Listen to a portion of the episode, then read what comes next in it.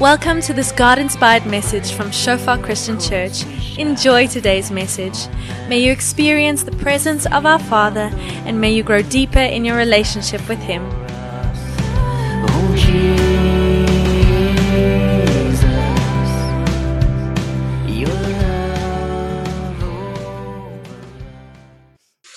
Okay, so um, ek wil vir ons ek wil bietjie bou op wat uh Brown mee begin het volgende week. Kan ek net ek wil net 'n heads up kry van iemand by die office. Is ek reg word ek gehoor? My kop is baie klein op my skerm. Net voor ek my hart uitpreek, wil ek net seker maak dat ehm um, alles in orde kom. My klank lekker deur. Sharp. Great. Ehm um, waardeer daai feedback julle. So Brown het, het laasweek nogals iets in ons harte wakker gemaak rondom om 'n lig te wees in hierdie wêreld. En ek wil vandag bietjie daarop bou en ons gaan in die middel van hierdie van hierdie diens gaan ons ook 'n 'n 3 minute breakout room hou. So as jy in jou pyjamas is, hou maar net jou kamera af, maar ons gaan in die middel van die diens 3 minute breakout en dan gaan ons terugkom en dan sal ons op die einde weer breakout en en lekker klaar maak. Die hoofdoel van vandag is om 'n vraag te vra en hoop dat soos ons na die woord ehm um, luister en met mekaar gesels in breakout rooms dat ons begin antwoorde kry op hierdie vraag wat ons motiveer om dan voluit vir God te lewe. So die vraag wat ek vra is gebaseer op 'n aanname. My aanname is dat Christene skyn helder in hierdie wêreld. Christene skyn helder. Soms het ons afdaal, soms voel ons hierdie week is my verhouding met die Here moeilik, maar in faith kom ek en sê Christene brand helder. OK. Maar die vraag wat ek vra is hoekom brand Christene helder? En ek is ehm um, asprus met my woord 'n uh, brand. OK, hoekom brand Christene helder? Nou wat ek vir ons gaan doen is ek gaan letterlik vir ons die storie lees in Daniël 3 van ehm um, van Daniël se drie vriende wat nie gebuig het voor die afgodsbeeld nie. Ek gaan dit rustig deurlees, sit lekker terug, luister lekker saam en dan gaan ek een of twee observasies maak en ek gaan ons opbreek in groepies en vra dat jy 'n gedagte of twee bespreek met die mense rondom jou. Maar sit lekker terug terwyl ek net lekker vir ons lees uit die woord van die Here uit. Ek lees in Daniël 3 basies die hele hoofstuk as jy op jou foon wil volg. Dit sal 'n bietjie vreemd wees as jy skreen af so. Jy kan jou oë toemaak of probeer lekker sien die storie voor jou afspeel. Hier gaan ons. Koning Nebukadneser het 'n beeld uit goud laat maak. Dit was 30 meter hoog en 3 meter breed. Hy het dit in die Dura vlakte in die provinsie van Babel laat oprig. Nebukadneser het toe opdrag aan al sy amptenare hoofgouverneurs, gouverneurs, raadgewers, skatmeesters, regters, magistrate en al die amptenare van die provinsies gegee om bymekaar te kom vir die ingebruikneming van die beeld wat hy laat oprig het. Al die amptenare het toe vir die inwyding van die beeld van koning Nebukadneser bymekaar gekom. Hulle het voor die beeld gaan staan. 'n aankondiging het hardop 'n aankondiger het hardop uitgeroep luister na die bevel alle volke nasies en tale. Ons keer julle almal onder een kam is wat is wat hy sê. Sodra julle die trompet hoor blaas die fluit siter lier harp en ander blaas en musiekinstrumente hoor moet julle neerval en tot die goue beeld bid wat koning Nebukadneser laat oprig het En enige een wat nie neerkniel om dit te aanbid nie, sal dadelik in 'n vuurwarm oond gegooi word. Die oomblik toe die toe die mense uit die verskillende volke, nasies en tale die trompet, fluit, siter, harp en die ander musiek musiekinstrumente hoor, het hulle op hulle knieë gegaan en die goue beeld aanbid wat koning Nebukadneser laat oprig het. Van die wyse manne het na die koning gegaan en van die Judeërs aangekla. Hulle het vir koning Nebukadneser gesê: "Mag die koning lank lewe. U majesteit het mos bevel uitgereik dat elkeen wat die geluid van die trompet, fluit, siter, lier, harp of enige ander musiekinstrument hoor, dadelik moet neerval en die goue beeld aanbid. Die wat dit nie doen nie, sal in die vuuroond gegooi word. Maar daar's Joodse mans wat nie doen wat die koning gelas het nie. Dit is Sadrag, Mesach en Abednego wat u oor die administrasie van die provinsie Babel aangestel het. Hulle gee nie eer aan u gode nie en hulle aanbid nie die goue beeld wat u opgerig het nie. Nebukadneser was woedend en hy het beveel dat Sadrag, Mesach en Abednego na hom toe gebring moet word. Toe hulle toe hulle voor die koning kom, het Nebukadneser vir hulle gevra: "Sadrag, Mesach en Abednego, is dit waar dat julle nie aan my gode eer wil bewys nie en nie die goue beeld wat ek opgerig het wil aanbid nie? Ek gee julle nog een kans. Luister, wanneer julle die musiekinstrumente hoor speel en aanbid en aanbid die beeld wat ek gemaak het. As julle dit nie aanbid nie, sal julle onmiddellik in die vlammende oond gegooi word. Watter God sal julle dan uit my hand kan red? Sadrag, Mesach en Abednego het die koning Nebukadneser geantwoord: Ons ag dit nie nodig om u hierop te antwoord nie. Die God wat ons aanbid, kan ons uit die vuur red. Hy sal ons uit u mag bevry, u majesteit. En selfs al red hy ons nie, u majesteit, sal ons nie u gode vereer nie. Ons sal nie die goue beeld wat u gemaak het aanbid nie. Die koning was so kwaad vir Sadrag, Mesach en Abednego dat sy gesig vertrek het. Nou ek weet nie waartoe hy gesig vertrek nie, maar hy was so kwaad dat sy gesig het vertrek. Okay. hy het opdrag gegee dat die oond 7 keer warmer as gewoonlik gemaak moet word. Hy het sterk mans uit sy leer aangesê om Sadrag, Mesach en Abednego vas te bind en hulle in die oond met sy skroeiende vlamme te gooi. Hulle het toe die 3 mans vasgebind en hulle in die brandende oond gegooi met hulle klere en al. Omdat die koning beveel het dat die vuur so warm gemaak moet word, het die vlamme uit die oond uit die mense doodgebrand wat Sadrag, Mesach en Abednego in die oond gegooi het. Die 3 mans Sadrag, Mesach en Abednego het so vasgebind in die brandende oond beland. Koning Nebukadnesar was egter verstom. Hy het opgespring en vir sy raadgewers gevra: "Was dit nie 3 mans wat ons vasgebind het en in die vuur gegooi het nie?" "Ja, beslis, U Majesteit," het hulle vir hom gesê. Hy sê toe vir hulle: "Ek sien dan 4 mans in die oond rondloop. Hulle is nie vasgebind nie. Hulle markeer niks. Die vierde een lyk soos 'n boaardse wese. Dit is vir my interessant hoe hy sê ek sien vier mans in die oond rondloop. Nou wonder ek as vier mans in 'n oond loop, waaroor gesels hulle op daai oomblik? Jy weet, maar hulle loop rond um, en en dit blykbaar een of ander interaksie. Nebukadneser het so naby as wat hy kan deur die vlammende oond gaan staan Hy het geroep: "Sadreg, Mesach, Abednego, dienaars van die God Allerhoogste, kom uit en kom hier na my toe." Sadreg, Mesach en Abednego het toe uit die vlammende oond gekom. Die amptenare, goewerneurs, goewerneurs en ministers van die koning het om hulle saam gedrom. Hulle het gesien dat die vuur niks aan hulle gemaak het nie. Die hare op hulle kop was nie eens geskroei nie.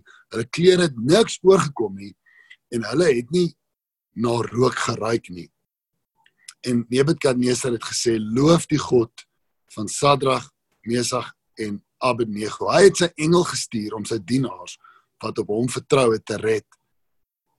Hulle het die koning se bevel verontagsaam en was bereid om hulle lewens te gee eerder as om eer te bewys as enige ander god of enigiemand buiten hulle eie god te dien. Hoe kry Christene dit reg om warm te brand vir God in hierdie wêreld. En as ons daai vraag kan beantwoord, sal dit ons bemoedig om vandag te begin of om aan te hou warm te brand vir God. Ek weet dit is 'n langerige storie, maar dit is bietjie makliker om 'n langer skrif te kan verteer as dit een storie is as wat dit ehm um, uh, een van die kleiner boeke in die Nuwe Testament is daar dalk baie doktrine oor 'n lang stuk, maar so 'n storie met mens mens sien die prentjie en mens verstaan die gedagte van wat daar gebeur.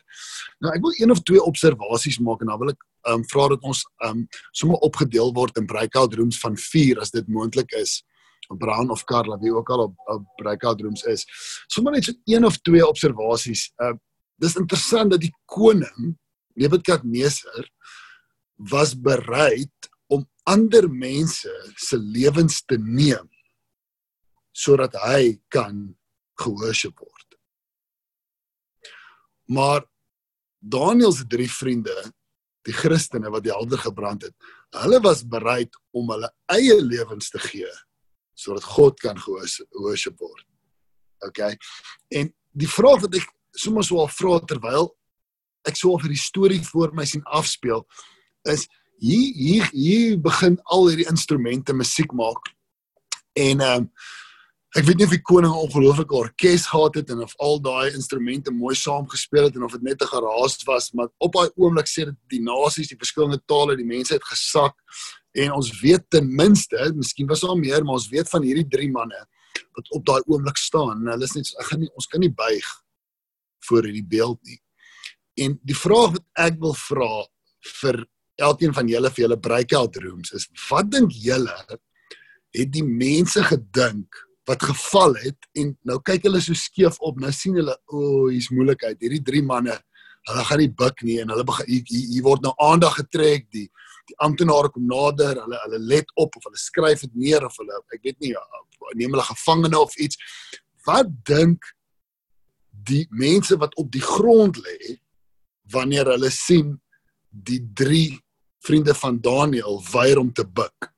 Dit is my vraag vir die breakout room en ek weet ons weet nie 100% die antwoord nie, maar kom ons gesels daaroor. Wat sal tipies deur die gedagtes gaan van die mense op die wat wat dan nou kyk in hierdie na hierdie drie ouens. Kom ons gaan na ons breakout rooms. As jou breakout room verby is na 3 minute, as jy sê leave, moenie sê leave meeting nie, sê net leave the breakout room. Okay, en dan sal jy terug um, kom na die na die dienste. Kom ons gaan.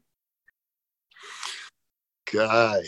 Brown, wil jy dalk net vir my 'n indikasie gee tik of jy voel die meeste mense is terug uit. Ah, almal in. Dankie baie, dankie. So, wat met my groep so of uitgekom het en ek ek sou nogals um, eintlik waardeer julle is welkom om uh miskien die hoofgedagte te tik in die chat van wat jy dalk in jou breakout room gehoor het, maar een van die goed wat my uitstaan is um Hendry wat by my groep was het gesê ek dink die mense het seker gedink hierdie drie ouens is onnosel. Uh want hulle weet nie om hulle lewens te preserveer nie. En en ek het gedink die gesprek gaan dalk in daai rigting gaan dat hulle die die gelowiges van God jammer kry. Ons kry hierdie ouens jammer dat hulle nie lekker weet jy weet hoe om om om te reageer in die koninkryk om hulle self te preserveer nie. Hoekom wil jy selfmoord pleeg. En ek dink soms wanneer die wêreld na Christene kyk, dan kry ons min of meer dieselfde effek want mense sien ons is committed tot 'n gemeenskap. Ons is committed tot tot omgee. Ehm um, wat soms ten koste van onsself is. Van julle sal onthou 'n uh, not a fan episode of twee terug het die, het die man gevoel hy moet sy lewe oopbreek um, en daar wees vir mense wat minder as hy het en hulle het getrek na 'n kleiner huis toe. Um en en so vir Christene hierdie opstaan, hierdie hierdie lig wat brand in die wêreld, dit raak ons aan. Dit dit bepaal voertuie wat ons nie kan ry nie want want ons wil ons wil 'n lewe van generosity, ons wil vrygewig wees. Dit beteken dat ons probeer nie kyk noodwendig hoe helder ons lewe kan skyn in op in ten opsigte van ons ons huis en besittings en vakansies, maar dit gaan oor iets groter as dit. Dit gaan oor 'n opstaan wat wys dat daar is iets in ons wat vir ons so belangrik is en so na ons hart lê. En soms as die wêreld van buite af kyk, dan sê hulle shame. Ag shame en en en um, hierdie mense is is in bondage soms wat die wêreld dink. Ehm um, kyk, hoekom maak hulle hierdie besluit? Ehm um, ek onthou in my familie wat my jammer gekry het toe ek as 'n jong man vir hom sê maar ek gee tiende aan die koninkryk van die Here. Hy het my jammer gekry en toe toe hy begin kwaad raak dat hy al ooit in my belê het en um, ek die vermetelheid het om dit weg te gee. Maar um, dit was 'n oomblik wat ek moes opstaan vir waarna ek glo en 20 jaar later glo ek nog steeds, jy weet. En ek wil vir ons 'n prentjie wys. Ek wil vra of Silna daai daai prentjie sal opsit van die man uh, wat die klip stoot. Nou van julle mag dalk hierdie Griekse mite ken. Ehm um, hierdie as jy as jy het ehm um, kyk of jy kan vir die persoon in jou vertrek sê wie daai is. Ek gee net so 10 sekondes. Okay, so hierdie man in die Griekse storiewêreld staan bekend as Sisyphus. Ehm um, dit sy naam staan op die volgende skyf hier. Dis net 'n storie, dit staan bekend as the myth of Sisyphus of die die mite van Sisyphus. Nou wat met hierdie ou gebeur het in die Griekse uh, uh storiewêreld is dat hy het die gode kwaad gemaak en sy straf was gewees dat hy hierdie klip moes oprol teen 'n berg. Maar elke keer as hy net net net amper bo op die kruin van die berg is, wat dan gebeur is is dat die klip sal terugrol tot heel onder op die berg. Jy kan sommer die volgende skyfie wys sal. Nou dit is tipies wat sou gebeur. En wat dan met hom sou gebeur is hy sou opstaan en hy sou teruggaan na die klip toe en dan sou hy die klip eenvoudig weer begin rol. En die storie is dat Sisyphus tot vandag toe nog hierdie klip rol um, en dit oor en oor en oor en oor en oor doen. OK. Nou daar is twee ongelooflike denkers daar buite en dan gaan nou net terugkom by hoekom staan hoekom brand Christene helder in die, in die wêreld maar die eerste foto wil ek wil ek vir ons wys dis die ou met die naam Albert Camus. OK, mense sê dit Camus. Hy was 'n Franse um philosopher um wat so in die 60s oorlo- oorlede is en sy comment was gewees op Sisyphus. Hy het selfs daaroor geskryf en hy het gepraat oor oor wat is die betekenis van die lewe? Wat is werklik belangrik in hierdie wêreld en en wat is nie en ehm um, wat hy basies gesê het, sê maar jy kan maar eers vir my weer opsit vir so 'n oomblik sal ons 'n paar van sy van sy ehm um, ehm um, uh quotes basies wys. Wat hierdie ou gesê het is ek is nie 'n Christen nie en ek gaan nie in bondage wees van hierdie wêreld nie. So Albert Camus was op sy knieë gewees saam met die res van die mense. Hy sou nie voor in die oond gebrand word vir God nie. Hy is 'n liberale ou, hy het was 'n ateïs gewees, maar hy het een ding gesê. Um, en hy het gekom met op hierdie storie van Sisyphus en dis wat hy gesê het. Hy het gesê ons ons kan vry wees van godsdiens en ons is. Maar hy was ook eerlik genoeg om die volgende te sê. En hierdie is wat hy gesê het. Hy het gesê ons wat voel ons is absoluut vry van God, soos ek, moet net ook besef daarby dat niks wat ons doen maak werklik saak nie. Hy was mans genoeg of hy was eerlik genoeg om te sê as ons dan vry is van God, laat ons net weet niks maak werklik saak nie. So kom ons geniet net die lewe. En dit is die eerlike antwoord op die aanname wat die mense op die grond moet sê. Niks maak werklik saak nie. Ek het niks om voor te staan hier. So en wat dan gebeur is tipies vanuit daai denkwyse het Albert Camus dan nou ook vir mense vanuit sy wysheid 'n klomp quotes al buite gesit van hoe jy moet lewe. So kom ons wys gou dit. Die eerste ene wat nou net op was, hy het gesê seeking what is true is not what is desirable. Dis want ek vind uit niks maak werklik saak nie. Ehm um, kom ons gaan sommer aan. Ek wil sommer net 'n paar van sy goedjies wys. Hy sê you will never live if you are looking for the meaning of life. Hoekom? Want hy het gesoek en hy weier om te erken dat God bestaan en dis op die ou end meaningless. Kom ons gaan aan.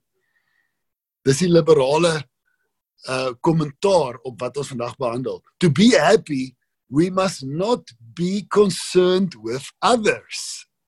Buig net man, buig jy hier as die ou sê staan staan, as die ou sê buig buig. Self preserveer op die ou end gaan dit net oor jou. Um en dan die laaste een van wat die wêreld tipies sou skree teenoor die drie manne wat staan. Albert Camus skryf the only way to deal with an unfree world is to become so absolutely free that your very existence is an act of rebellion. So sonder ek kan my weer opsit. Ehm um, baie dankie. Wat hierdie ou dan nou as 'n antwoord gee is daar's nie 'n God hier. Daar's nie 'n rede om voort te leef nie. As die wêreld sê jy moet buig, buig, as hulle sê staan, staan, doen wat jy wil, maar sy finale opsomming was en ek probeer dit mooi sê, maar jy, jy weet daai vinger wat jy nie vir iemand wil wys nie. Okay. Wat Albert Camus sê is jy moet net vir die lewe 'n middelvinger wys. Dit is die opsomming van 'n wêreld sonder God. Dis jy op jouself, moenie te veel oor ander worry nie. Gaan jou gang en wees in sy woorde, jy moet 'n rebelliese houding teenoor die lewe hê. Jy moet vir lewe wys jy gaan my nie onderkry nie. Jy moenie te veel oor ander bekommer nie.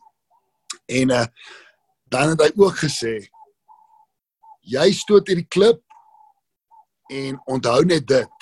Die klip gaan maar rol, maar hier's jou antwoord tot tot betekenis. Embrace jou klip. Dit is so ver soos die ouens kom, die liberale gedagtes. Embrace jou klip. En so vandag sien ons op sosiale media baie min baie min betekenis, baie min purpose en baie embracing. Onthou, ek is 'n man maar ek assosieer as vrou. En mense sal oor en oor hulle klip verduidelik. Ehm um, uh mense sal sê ja, ek het hierdie hierdie kondisie. Ek is 'n ehm um, uh uh miskien iemand wat kom ons sê ek maak maak sommer gedagte op. Ek is iemand wat wat bipolêr is. Okay? So onthou om bipolêre dag te vier saam met my, onthou my te embrace en ons niks fout daarmee nie, maar dit dit het die einde geraak. Hierdie is my klip. En al wat kan gebeur is ek kan my klip beskryf oor en oor en oor en oor en oor en oor want ek kan nie verder as dit sien nie. Dis die antwoord van die wêreld as hulle kyk of in kontras staan met Sadrag, Mesach en Abednego. Elke man vir homself. Ons is op die Titanic, hy sink en uh, ek hou van hoe Tim wat Tim Keller sê, hy sê wanneer die Titanic amper sink en almal is amper onder, maak dit nie saak of jy of jy 'n hugger of 'n mugger is nie, want die Titanic sink. There is no purpose. Maar daar was 'n ander man gewees. Ons is amper klaar, hoor. Ek gooi 'n paar prentjies, ons praat lekker vanoggend. Ek wil hê jy moet brand helder vir God. Ehm um, sonder jy kan vir ons 'n prentjie opsit van Leo Tolstoy. Hierdie man het dieselfde roete gestap as Albert Camus, maar hy het God gevind. Nou wat met hom gebeur het is hy het hierdie klip besef dat hy hy stoot hom op, hy rol af, hy stoot hom op, hy rol af. Dit was 'n ryk man, hy het 'n ryk familie gehad en op die ouderdom van 50 het Tolstoy gesê: "Wat is die betekenis van al hierdie goed wat ons het? Wat is wat maak dit saak of ek vandag vriendelik is en help en of ek van my verantwoordelikhede af wegkry? Wat maak saak? En in dit het hy 'n instorting beleef en Jesus gevind. En hy het gesê, "Ag, ah, dit is die doel van die lewe dat ek moet kyk verder as die dood na 'n God wat op my wag, 'n doel op my sit en alles wat ek doen werklik vir ewig betekenis sal hê. En die slotsom waartot Leo Tolstoy gekom het is dieselfde slotsom waarby ons vriende gekom het daar in Daniël se tyd en dit is die volgende eers wanneer jy iets kry 'n doel waarvoor jy sal sterf sal jy begin lewe of in Engels only when you live for something worth dying for will you truly live en um, So as ons kyk na ons drie vriende wat nie gebuig het nie, dan ons onthou dat hulle dit nie verbrand en dit was 'n groot oomblik. God was in die vuur saam met hulle. Maar sekerlik net so groot indien nie 'n groter oomblik van die essens van hierdie ouens se bestaan was die oomblik toe hulle geweier het om te buig. Toe sê hulle we have something worth dying for. Ons is net visse wat dryf in 'n rivier nie. Daar's iets binne ons wat ons compel om te staan vir iets wat 'n ewigheidswaarde het. En die die punt van die storie is nie dat hulle nie dood was nie, want toe toe toe, toe Steven in Handelinge opgestaan het vir God, toe was dit sy dag om te sterf, maar Jesus het gekyk. Jy sien hy's altyd daar of hy die die gelowige kom haal en of hy hom by hom is om hom verder te laat leef. Dis nie so seer die punt as wat dit is dat die gelowige brand vir God en hy besluit om te staan wanneer dit dalk makliker is om te om te buig want hy het 'n doel wat die moeite werd is om voor te sterf. Daarom kan hy leef. Hoekom brand Christene helder in hierdie wêreld? Die antwoord is hulle lewe vir iets wat die moeite werd is om voor te sterf. Ons kyk ook en dan kan ons die storie deurtrek na Jesus toe of hierdie gedagtes. Toe Jesus gekom het, kyk so 'n bietjie langs jou, wie langs jou sit, kyk na jou kinders as hulle voor jou spring en spring en speel en te kere gaan en miskien die koffie omskop. Toe Jesus na hulle kyk, na jou kyk, was hy bereid om te sterf. So hy het gekom en hy het gelewe al die pad deur die kruis because it was worth it vir die redding van die wêreld. En dan ek het vir ons 'n skrifgie daarop Johannes 13 ver- 3 vers 16 ons ken dit want so lief het God die wêreld gehad dat hy sy enige gebore seun gegee het sodat elkeen wat in hom glo nie verlore kan gaan nie maar die ewige lewe kan hê. So ons kyk oor die dood in die ewigheid in.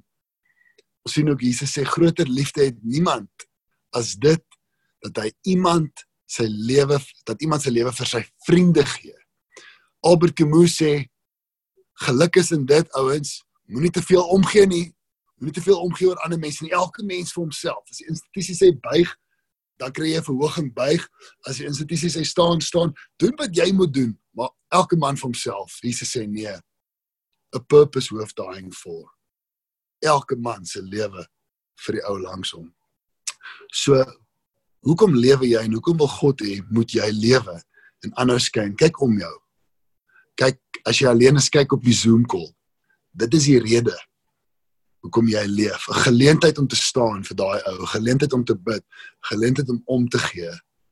En 'n geleentheid om te onthou dat die dood is nie die Titanic wat sink en dan's als weg nie. Die dood is net 'n deur. En dit is waarom Christene brand. Dis hoekom Christene staan wat hierdie wêreld buig. So um, ons gaan in ons breakout rooms gaan. Um, ek gaan nou vir ons net afsit 'n gebed en al wat ek wil vra vandag vir die breakout rooms is wat wat vir jou uitgestaan? Wat staan vir jou uit rondom hierdie idee van hoekom Christene helder brand? En ehm um, miskien kan hulle 'n bietjie reflekteer op daai twee ou manne, die een wat gesê het elke man vir homself. Ehm um, ons is heeltemal vry, maar kom ons onthou net. Kom ons onthou net, ons moet saam met dit ook net besef niks het op die ou end betekenis nie of die ander man wat gesê het daai ou het eintlik gesê Tolstoy hy's baie hartseer dat hy nie op 20 agtergekom het dat hy Jesus nodig het nie want hy sê when you are high on life dan gaan jy aan. Solank goed gebeur goed verander kinders word gebore werke word gekry dan gaan jy aan tot jy stil raak en vra jy wat is my betekenis? En toe vind hy Jesus. So hierdie twee manne wat dood is gee vir ons die twee teenpole van wat elke mens op 'n kol gaan besluit of nie gaan besluit nie. En ek weet die meeste van ons wat hier is, het reeds 'n verhouding met Jesus, maar wat staan vir jou uit van vanoggend rondom hierdie tema van hoekom gelowiges helder brand? En uh, kom ons sluit ons af en dan gaan ons in ons breakout rooms. Here, ek wil U naam loof en prys dat ons die geleentheid het om so Sadrag, Mesach en Abednego te staan, te lewe for something worth dying for. 'n Geloof in 'n God wat ons gaan kom haal, ons gaan lei na 'n nuwe stad waarin ons vir ewig en vir altyd gaan lewe en gemeenskap gaan hê en dat ons reeds al begin het daarmee op hierdie aarde. Wat 'n voorreg dat als nie sonder betekenis is nie, maar dat daar doel is. Ons prys U naam. Amen. Amen. Kom ons gaan in breakout rooms van so vier rekenaars. Dankie um vir die tegniese span agter die skerm vir dit moontlik maak. Geniet dit en bly so lank